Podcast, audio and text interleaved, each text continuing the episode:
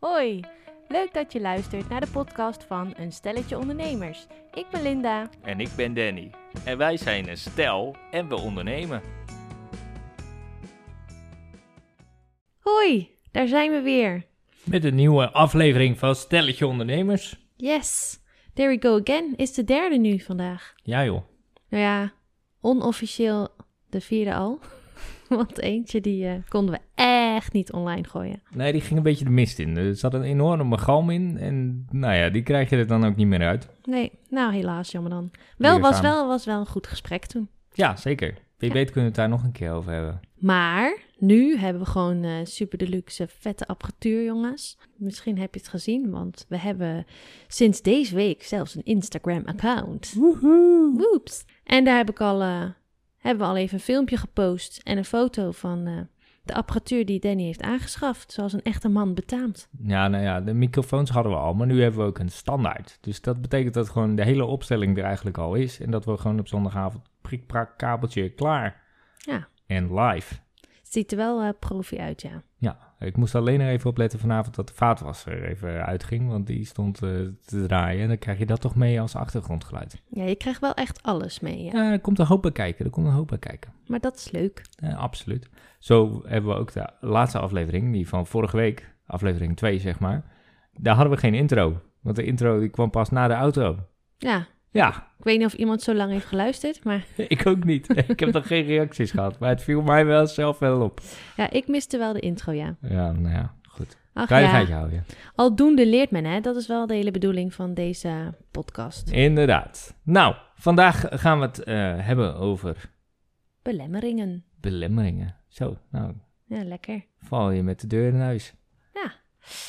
Ja, want een heleboel mensen die doen dingen niet omdat ze zichzelf overtuigen van waarom het niet kan of waarom je het niet moet doen. En dat zijn belemmeringen. En om maar met mezelf te beginnen. eh, mijn belemmering om als fotograaf aan de slag te gaan, die waren. Ja, maar er zijn al zoveel fotografen en tegenwoordig heeft iedereen goed apparatuur. Zelfs met je telefoon kun je supermooie foto's maken. Dus wie ben ik om daar ook nog aan? Die markt is al vol vervuld. Dus wat heb ik nou voor iets anders te bieden? Dat heb ik een hele tijd. Was mijn belemmerende overtuiging om maar niet te gaan beginnen als fotograaf. En jij? Ja, ik weet niet hoe ik dat heb. Klinkt heel arrogant dan. Maar, eh, ik, Maar misschien weet je ze niet meer. Nou ja, het is meer van... Ik zit nu in ieder geval in van... Oké, nou dan gaan we dat toch gewoon doen, modus. Maar welke, welke belemmeringen hebben bij jou een rol gespeeld om nog niet te gaan ondernemen voordat je ondernam? Weet ik veel. Kijk, waar, je- waar jij volgens mij over wil hebben... is over belemmerende gedachten. Ja, En belemmerende gedachten, dat is meer dat je jezelf disqualificeert van... Nou, ik kan dat toch niet. Ik ben daar toch niet goed in.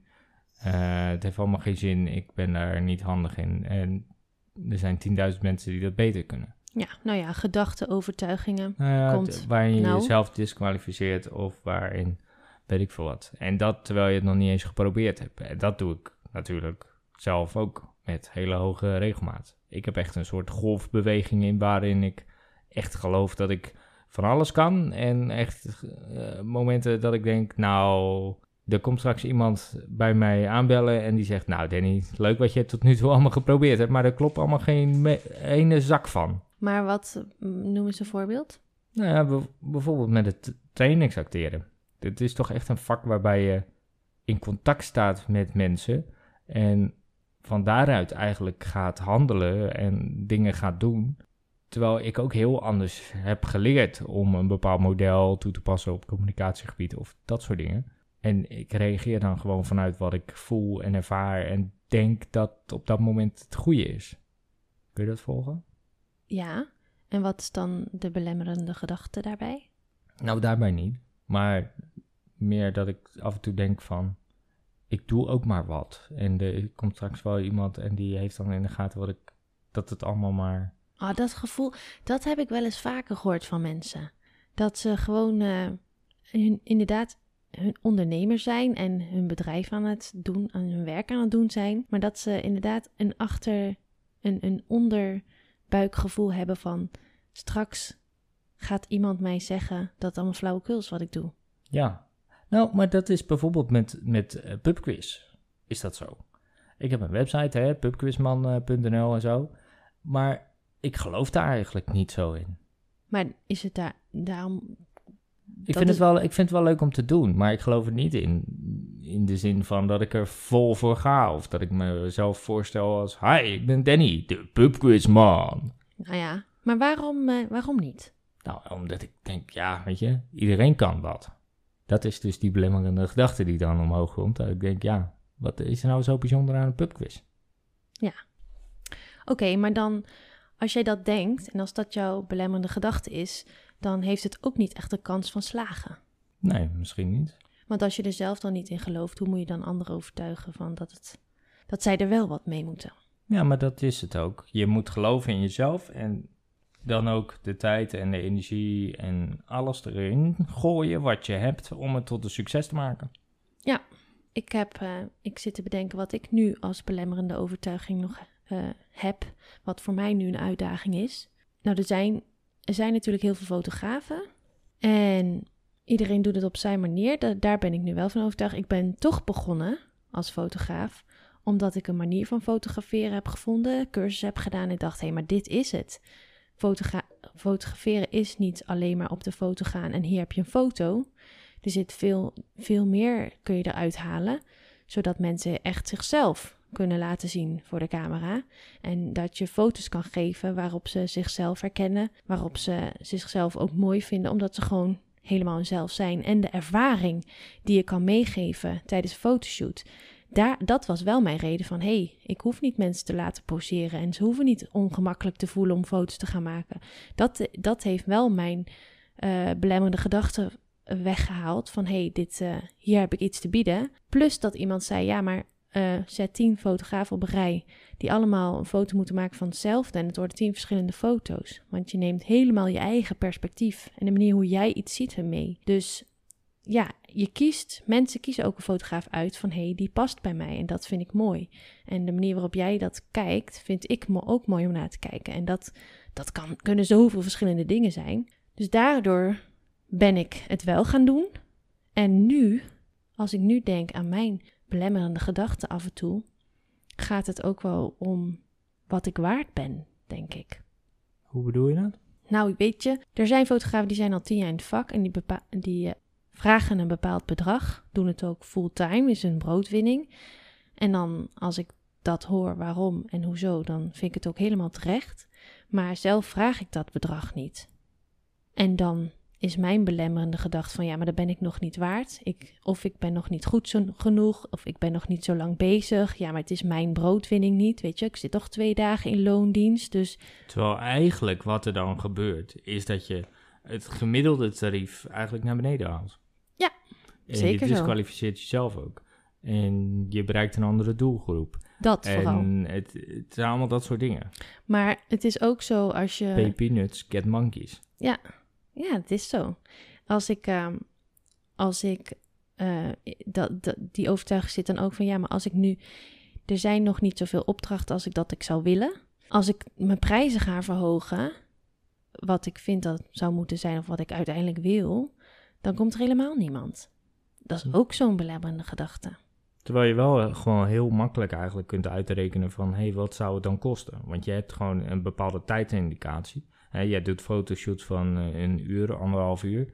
En eigenlijk aan nabewerking ben je net zoveel tijd kwijt. Ja, klopt. Dus als je daar een uurtarief eh, tegenaan hangt... dan kom je al een heel eind in de richting met wat, wat het zou moeten kosten. Ja. Plus dan zit je nog met een stukje software... je zit nog met je afschrijving van je ja, je kunt het allemaal fotografie. Je kunt het dus allemaal uitrekenen. Als je dat allemaal uitrekent en dan kom je op een bedrag, dan, dan is het dus nu nog mijn overtuiging. Ja, maar daar gaat niemand, daar gaat mijn klant er nu niet voor betalen. Ja, maar ze zijn er wel. Ja, dus ze zijn er absoluut. Je wordt ook gewoon geboekt door eh, partijen helemaal aan de andere kant van het land om eh, te komen. Ja, precies. Dus het is er wel zo, maar die, die overtuiging is mijn uitdaging op dit moment. En ik denk dat die pas, ik, ik denk dat die verdwijnt als ik meer opdrachten krijg. Maar dat hoeft helemaal niet zo. Misschien moet, komt er ook een moment dat ik denk, ja, fuck it. Ik ben dit waard. Ik ben nu, eh, dus als ik mijzelf vergelijk met vorig jaar, ben ik nu al meer waard. Dus ik kan mijn prijs verhogen. Punt. Sowieso, want je hebt een eh, inflatiecorrectie. Ja, ja, nou dat soort dingen. Ja, maar ik wil echt nog wel een keer een uitzending hebben over prijsopbouw en tariefvorming en, en dat soort dingen. Ja, dat heb je ongeveer nou denk ik in Ja, ik blijf het gewoon elke uitzending herhalen. Dan komt het vast een keertje langs. Maar Ja. dat, dat vind ik namelijk wel interessant. Van hoe Ja. kom je tot zo'n bedrag? Misschien, wij hebben- misschien. We hebben daar ook best wel discussies over gehad. Omdat Ja. ik gewoon vind dat je op een bepaalde manier moet rekenen. Ik wou, ik wou net zeggen, misschien moet je die aflevering dan alleen opnemen. Maar ik denk dat het juist, Oh, monoloog. Cool. maar ik denk dat het juist wel leuk is voor de luisteraar om dan eh, die verschillen in meningen of eh, om die dan te horen van ons, van Nee, jou, van mij. Is ook zo. Alleen ik denk dan van ja, nou ja, het- ik reken heel veel makkelijk uit. En dat is een beetje mijn manco. Ja, Wat heb jij nog als nu, vandaag de dag, als belemmerende gedachte? ja nou ja, wat ik net... Ik vind het een hele rare tijd. Dus ik heb heel veel belemmerende gedachten nu. Maar welke vind jij eh, nu als grootste uitdaging waarvan je weet. ehm, oh nee, eigenlijk is het dus een verschil tussen weten en voelen. Je voelt dat het, eh, dat het oké is, maar je gedachten zeggen nog steeds dat het niet oké is. Je hebt Een belemmerende gedachte. Ja, ik noem het overtuigingen, jij gedachten, daarom probeer ik in gedachten te praten. Maar wat is nu een gedachte dat jou belemmert om te doen waar- waarvan je eigenlijk voelt dat je dat moet gaan doen? Ja, maar dat, is, dat heeft helemaal... Voor mij heeft dat niet zoveel nu te maken met een belemmerende gedachte of zo. Oké, wat dan wel? Voor mij heeft dat er nu gewoon mee te maken dat de situatie gewoon anders is. De, de, het, je mag gewoon in je handjes knijpen als er nu iets gebeurt. Jij vindt de situatie een belemmering. Ik, ik vind dat wat er nu gebeurt met een pandemie, eh, dat je dat niet kunt bedenken van tevoren en op kunt anticiperen en iets aan kunt veranderen. Eh, je kunt alleen maar meebewegen en je uiterste best doen. Ja, je kunt Dat is wat ik doe. Nou, maar ik denk dat je juist als dingen zo zijn zoals zijn, de situatie kun je niet veranderen. En je kunt het zien als een belemmering of je kunt er anders naar kijken. Dus als jij deze pandemie een belemmering vindt, dan zou je er bij definitie niks aan kunnen veranderen. Want de situatie is zoals het is. Maar als jij dat dus op die manier ziet, van ja, maar dat is mijn belemmering nu, dan gaat er niks aan veranderen. Maar als jij het op een andere manier leert bekijken, kan jouw belemmering ook een uitdaging worden. Ja, maar ik ben online theatersport gaan geven. Ik ben online gaan trainingsacteren. Precies, dat, dat, is. dat soort dingen heb ik gedaan. Daar sta ik lang niet altijd achter, want ik, het geeft niet dezelfde energie, dezelfde fun, dezelfde drive, eh, dezelfde bijeffecten als, als wat het anders is. Hè. Ik vind het, nou ja, het, ik vind gewoon dat het nu is wat het is. En we hebben het er wel vaker over. En jij zegt van, ja, je moet het, hoe weet je dat ook weer? Je moet het profileren of zo. Nee? Je moet het helemaal voor je zien. Visualiseren. Ja, en nog iets. Visualiseren en Ik weet niet wat je bedoelt. Nou ja, maakt ook niet uit. Maar, en, en dan kan alles. Ja, maar sommige dingen kunnen nu gewoon niet. Omdat mensen zijn gewoon nu voorzichtig. En we moeten luisteren naar regels. En we moeten verstandig Ja, doen. en en dan, dan kun je niet. Daar heb je Alles. gelijk in. Er, zijn, er is nu niet alles mogelijk wat je misschien zou willen. Maar als je daarop blijft focussen, dan wordt dat je belemmering. Terwijl als je, daar, als je dat loslaat en denkt, oké, de- dat is zoals het is. Daar kun je niks aan veranderen. Maar dan moet je dus anders gaan kijken. En niet dat dan dat verandert. Dan gaat de, weet je, dan gaat de COVID niet wegvallen of zo. Maar je kunt dan wel eh, openstaan voor andere manieren of andere dingen, hele andere dingen om te gaan doen. Ja, maar ik vind het juist... Ik, ik ben er ook niet compleet mee gefocust. En ik zit ook niet helemaal Nee. onder een steen weggekropen van... Oh jee, oh jee, en wat overkomt mij nou? En help, help, help. Nee. Ehm, maar eh, ik, ja, ik focus me ook niet op hè, wat balen dat het allemaal niet kan. Ik kijk ook naar wat er wel kan. En dan af en toe dan baal ik er wel van dat het allemaal niet kan. Snap je? Ja, ik snap wat je En- bedoelt. Maar dat zie jij. Je kunt ook alles over alles omgooien. En eh, ik, ik heb zat voorbeelden ervan van mensen die in mijn soort vakgebied zitten. En die totaal andere dingen gaan doen. Die gaan werken in de zorg. Die gaan bezig met bron- en, en contactonderzoek en weet ik veel wat allemaal. En ik, ik, ik doe dat niet. Ik blijf wel vasthouden aan van ik ben wie ik ben en wat ik doe. en dat doe Oké, ik. en wat is dan... eh, want je vindt dus deze eh, pandemie, of je noemt nu de coronacrisis... als jouw eh, grootste uitdaging, zeg Dat maar. is mijn belemmering om gewoon eh, hè, voldoende te werken, voldoende inkomen te genereren. eh, zoals ik dat ervoor deed. Want En- ervoor werkte ik gewoon hè, rond de 40 uur per week. Het was een keertje 30, het, het was een keertje 50 of 60. En, en dat was het dan. Ik had gewoon een inkomen waar ik gewoon happy van werd. En daarmee kon ik gewoon, als ik acht maanden werkte, had ik gewoon voor het hele jaar, zeg maar, dat wel binnen. Nou, dat is gewoon fijn. En waar zie jij dan nu de uitdaging? Nou, ik kan nu niet voldoende werken en voldoende geld verdienen. En waar zit dan nu je uitdaging? Nee, dat, maar da- dat, dat is wat het is. Zolang ik daar eh, vast blijf houden en alleen maar een klein beetje eh, ga verplaatsen naar het online, dan heb ik gewoon niet genoeg werk om daar een werkweek van te vullen en voldoende inkomen te hebben. En dat heeft niks met een uitdaging te maken. Dat is gewoon een, een probleem. Dat is gewoon jouw belemmering, punt. Ik denk, wat ik het meest om me heen zie gebeuren bij mensen als belemmeringen, is dat mensen weten een heleboel, ze weten meer dan ze eigenlijk denken, maar ze doen er niks mee. Dus in belemmering in het ook daadwerkelijk actie ondernemen van hetgene waarvan je weet, dit gaat werken, of dit gaat cool worden, of dit is echt superleuk, of hier ben ik, dit kan ik echt goed, maar dan niks mee doen. De eerste stap, zeg maar. Ja, nou ja, gewoon. Nou, al is het een eerste stap, ja, überhaupt een stap, ja. Of er iets over na gaan denken of het uitspreken. Ja. Of hoeveel, hoeveel mensen spreek je wel niet ehm, om je heen als je vraagt van, oh, wat zou je nou echt eens willen? Of eh, wat vind je super gaaf? Of je droom of whatever. En dat jij dan denkt als buitenstaander van, oh, nou, dan kun je het toch gewoon doen. Maar dat dan altijd komt, ja, maar, en ach nee, en waar ik nu zit, en weet je, en inderdaad financieel, en eh, eh, thuissituatie of kinderen Hoort of toch niet?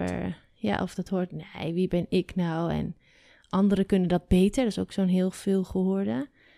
Maar ja, als, als je bedenkt hoeveel mensen dat wel niet denken, Mag, ik, mag ik een raar voorbeeldje geven? nou, raar maakt niet uit. Nou ja, de- vandaag kwamen jouw ouders op bezoek en dan zegt eh Elieve, die zegt van, ik wil, ik wil wel vanavond eten met die pannetjes met die gekleurde dingetjes. Stekkers, Dus eh, een soort van eh, multi-gourmet-achtig... gewoon gourmet worden. Ja, dat. Maar dan, dan gaan wij kijken van, wat kan er dan wel? Hoe kunnen we dat eens regelen? Oh, gaan, kunnen we dat doen of niet? Is het haalbaar? Ja. Ja. En dan gaan we dat gewoon doen. Ja, ja. Nou. dan kunnen we een van ons boodschappen doen. Ja, dat kan nog. Oké, nou dan halen we wat vleesje op brood, salade klaar. Ja. Terwijl andere mensen dan misschien denken van, ja, maar hallo, eh, volgende maand is pas kerst. Ja, het is dan pas kerst of Ja. geen Sinterklaas. Of eh, dat doen we alleen bij speciale gelegenheden. Ja.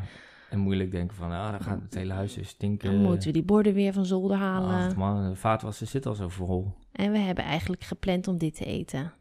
Ja, het- sterker nog, het zat al in de pan. Ja, nou ja, dan doen we dat toch gewoon morgen. Ja. Ja, dat is wel een heel simpel voorbeeldje eigenlijk, ja.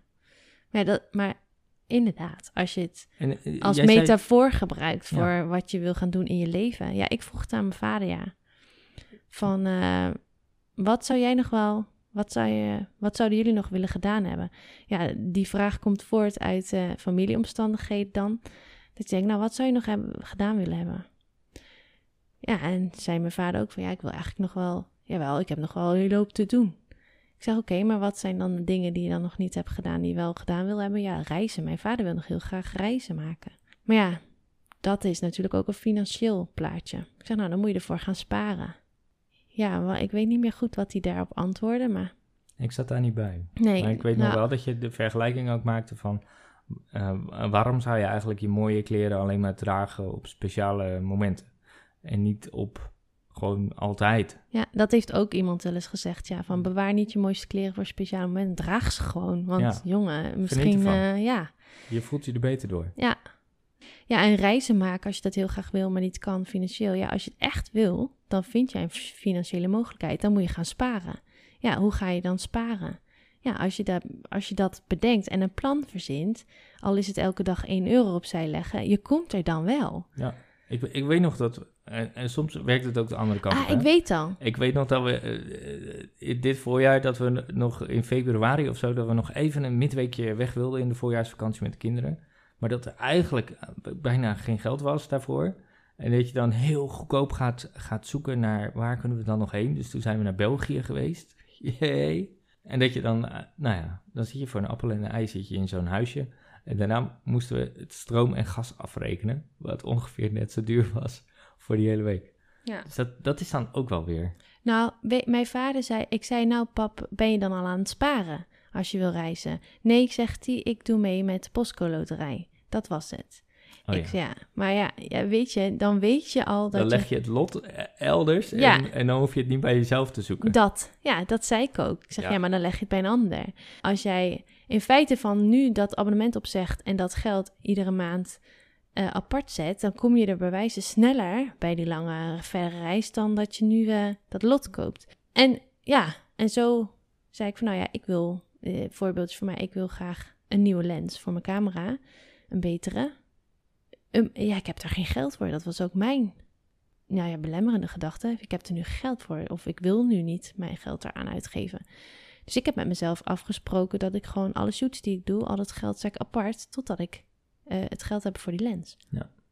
Dan kom je er wel. Als je iets echt graag wil, dan vind je sowieso een manier om het te gaan doen. Maar dus eigenlijk van alle mensen die zeggen van ja, ik zou nog wel eens dit of ik zou nog wel eens dat, die willen het niet graag genoeg om er ook echt actie voor te ondernemen. Kijk, en daar, daar, daar hebben we het ook wel eens over gehad. Van de, daar zitten ook wel weer grenzen aan. Want ik geloof wel dat het, het niet alleen maar te maken heeft met je interne eh, motivatie, als het ware. Maar dat, dat er zijn gewoon bepaalde fysieke dingen die jou kunnen beperken. Nou, ik denk verschil van mening. Ik denk, ja, je weet het, ik vertelde het al een keer, waar een wil Hmm. is een weg. Altijd, no matter what. Ja, daar zijn, ook, daar zijn ook heel veel voorbeelden van. Zijn zelfs, ja, komt ook door het boek wat ik nu aan het lezen ben, van Master Your Mindset, waar ik het al eerder over, Mhm. eh, wat ik eerder eens noemde.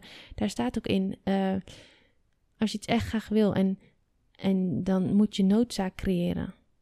Nee, dat, maar dat is ook zo. En ik geloof ook dat op het moment dat je dingen benoemt en visualiseert en w- wat jij allemaal zegt, dan ga je ook wel daar lichamelijk iets mee doen, denk ik. Dus je, je gaat dan ook wel in, in die modus dat je daar naartoe gaat werken. En dan, dan open je eigenlijk als het ware je ogen ook voor dat soort kansen. Dan Ja. zie je ook dat soort dingen om je heen. Hetzelfde als dat, dat ik het neefje van, eh, van eh, Jente voor zijn verjaardag een, een beleving wil geven. Ja, In plaats van een cadeau, weet je wel, iets fysieks, maar gewoon ja, iets doen. Dan ga je daar ook over nadenken. Dat duurde anderhalve week of zo. En toen dacht ik me ineens van, hey, hoe grappig is het om een rondleiding te gaan doen in, van? een- Ja. in een stadion. En dan, dan ga je daar eens naar zoeken. Ja, je gaat zoeken naar wat hij dan graag wil. Maar ik ben ook wel benieuwd, want nu ik aan, aan, aan mijn vader heb gevraagd van wat wil je dan eigenlijk nog? En zijn antwoord is reizen, wat dat met hem doet. Dat Ja. dat zaadjes geplant en van oké, ben je er dan voor aan het sparen? Nee, ik doe mee met de En met dat hij het zei, begon hij eigenlijk al wel te lachen. Zo van, ja, maar toen weet ik al zeker dat ik er nooit kom. Ik zei, nou maar goed. Ik ben heel benieuwd wat dit hele korte gesprekje heeft gedaan en wat er dan gebeurt met iemand. Ja. En zo vind ik het ook wel heel tof. Ik, dat is wel misschien ook wel leuk om te vertellen. Ik heb een tijdje gehad waarin ik dat, eh, dit soort gesprekken probeerde te voeren met mensen die ik totaal niet, ka- die je gewoon toevallig tegenkomt. En ik was ehm, op station in Utrecht. Nee, niet in Utrecht. Ik was op een station, een treinstation. En daar moest ik eten halen. En daar stond best een rij. Het was een goed eh, aangeschreven stationsrestaurant.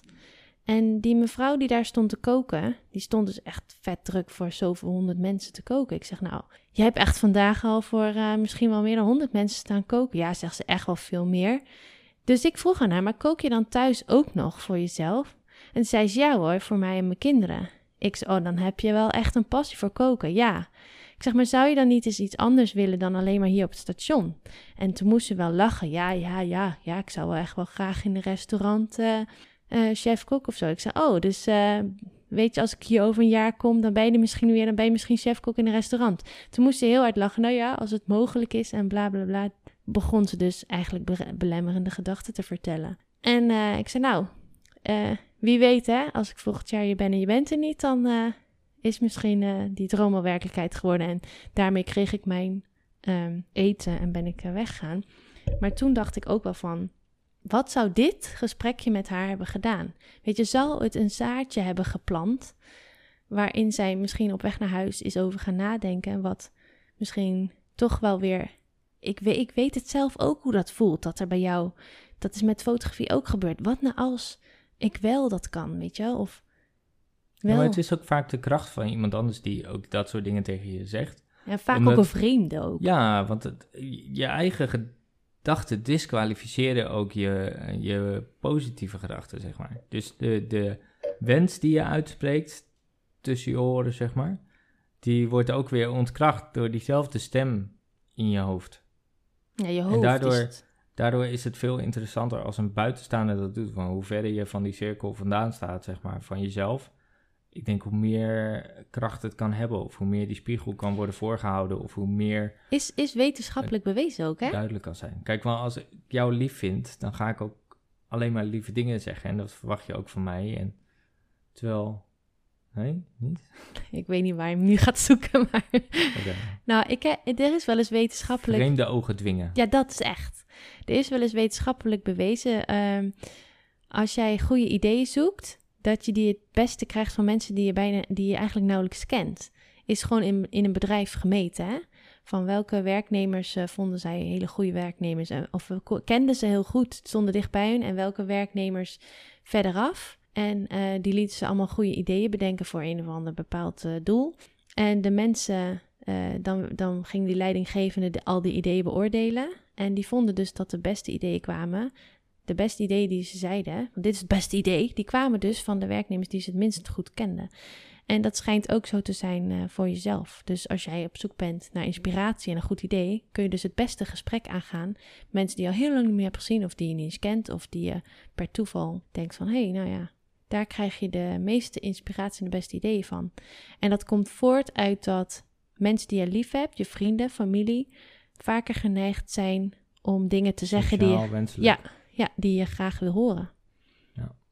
Ja.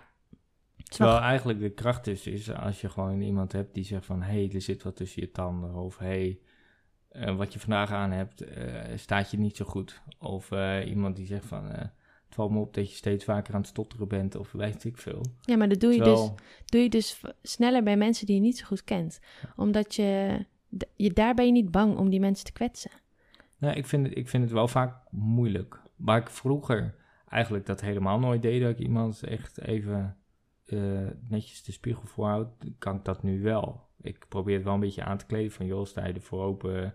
eh, want dit valt mij aan jou op. En ik verkoop het ook vaak met een glimlach. Zo van... no en waarom, waar, wat, hè, als we het dan even blijven hebben over belemmerende gedachten, waarom durft u dat eerst niet? Omdat je echt heel graag... oh, In mijn geval, ik wil heel graag aardig gevonden worden. Oh, Ik ben heel bang voor die afwijzing van die ander... of dat ik iemand pijn doe of... oeh. Waarom? Nou dat, dat eh, is in- een stukje intrinsieke motivatie, zeg maar. Dat is hoe je karakter dan in elkaar zit. Ik wil graag de ander pleasen. Ja. Dus daar, dat staat haaks tegenover van ik wil risico lopen dat ik iemand eh, pijn doe. Maar nu durf je dat dus wel. Ja, Dus het omdat is wel- ik nu zoveel gesprekken en gesprekstechnieken heb gedaan. Ook vanuit andere rollen, eh, ook vanuit andere personen als het ware. Dat ik dat nu, heb ik die tools in handen en weet ik hoe waardevol het kan zijn om dat echt letterlijk terug te krijgen. En omdat ik ook zelf beter met feedback kan omgaan. Ja. Als ik het krijg. Ik zit- vat het niet meer op als kritiek of als falen of als wat dan ook. Ik kan ook echt de dingen er nu uithalen van, oké, dan moet ik dit verbeteren. Dus dat door ervaring, door schade en schande, nee, door ervaring ben je nu over die belemmerende gedachten heen. Mhm. Die ben je nu de baas.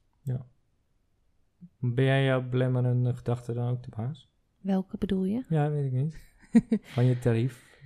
Nee, die dus nog niet. Dat is mijn uitdaging nu. Maar die wel, die van ik ben niet de belemmerende gedachte van wie ben ik om te gaan fotograferen en daar geld voor te vragen, om een fotograaf te noemen, terwijl er al zoveel zijn, die wel.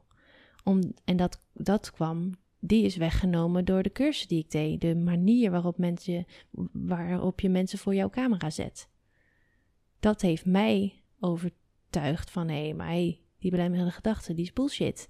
Ik ben ik, ik ben Linda en ik kijk als geen ander. De manier waarop je kijkt is uniek. Dus zoals ik het zie, die ziet niemand anders. Niemand kan exact dezelfde foto maken als ik. Maar ook doordat je het gewoon ging doen. En- doordat je gewoon een fotoshoot gaat doen met Ja. Janne Alleman. In het en, begin. en daar reacties op krijgt. En niet alleen maar van, nou, Dat is wel mooi waar, waar je nu naar verwijst. Want het, een mooi voorbeeld daarvan is, is, is mijn broer met zijn gezin. Want die hebben natuurlijk die vraag al jaren of ik hun op de foto wil zetten. En sinds dat ik die cursus heb gedaan, Moment Design heb ik het steeds over. De manier waarop ben ik hun anders gaan benaderen tijdens het shooten. En de eerste keren dat ik hun op de foto gezette waren hun kinderen, ja, was eigenlijk Cas, die was echt nog baby, die werd één. Daar begon het mee dat ze de foto's wilden. En toen kreeg hij nog een zusje. Dus weet je, die kinderen werden steeds groter, maar daarmee ook een grotere uitdaging om ze leuk op de foto te krijgen. En voordat ik die cursus deed, was het inderdaad echt een struggle en een uitdaging van hoe gaan we dat doen? En ging je van al, ja, alle gekke dingen proberen. Maar doordat ik de manier van moment design ging toepassen, werd het ineens heel leuk.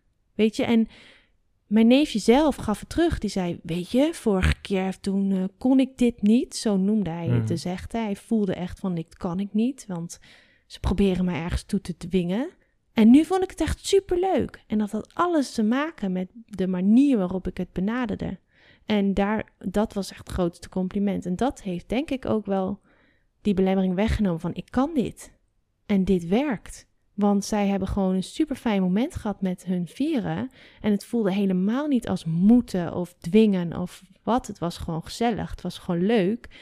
En de foto's waren daardoor ook gewoon echt tien keer leuker. Want je kijkt terug en je weet weer van... oh ja, daar zaten we een liedje te zingen... of daar, daar moest hij zo lachen om dit. En dat maakt het gewoon mooier om die foto's terug te zien. Ik denk dat die, dat moment, die ervaring ook... die belemmering bij mij wel heeft weggehaald. Van hé, hey, wacht even, mooi. dit kan ik. En zo kunnen we zelfs een podcast maken. Ja, Ik probeer Ja, maar een daar- bruggetje te maken. ja, maar daar hebben we niet... Daar heb ik nooit een belemmerende overtuiging over gehad. Jij wel? Nee, natuurlijk niet. Natuurtalenten. Ja. Maar daar, ja, je leert ook wel van dat soort dingen. Nou, dat is het ook. En je, nee, je loopt tegen van alles en nog wat aan.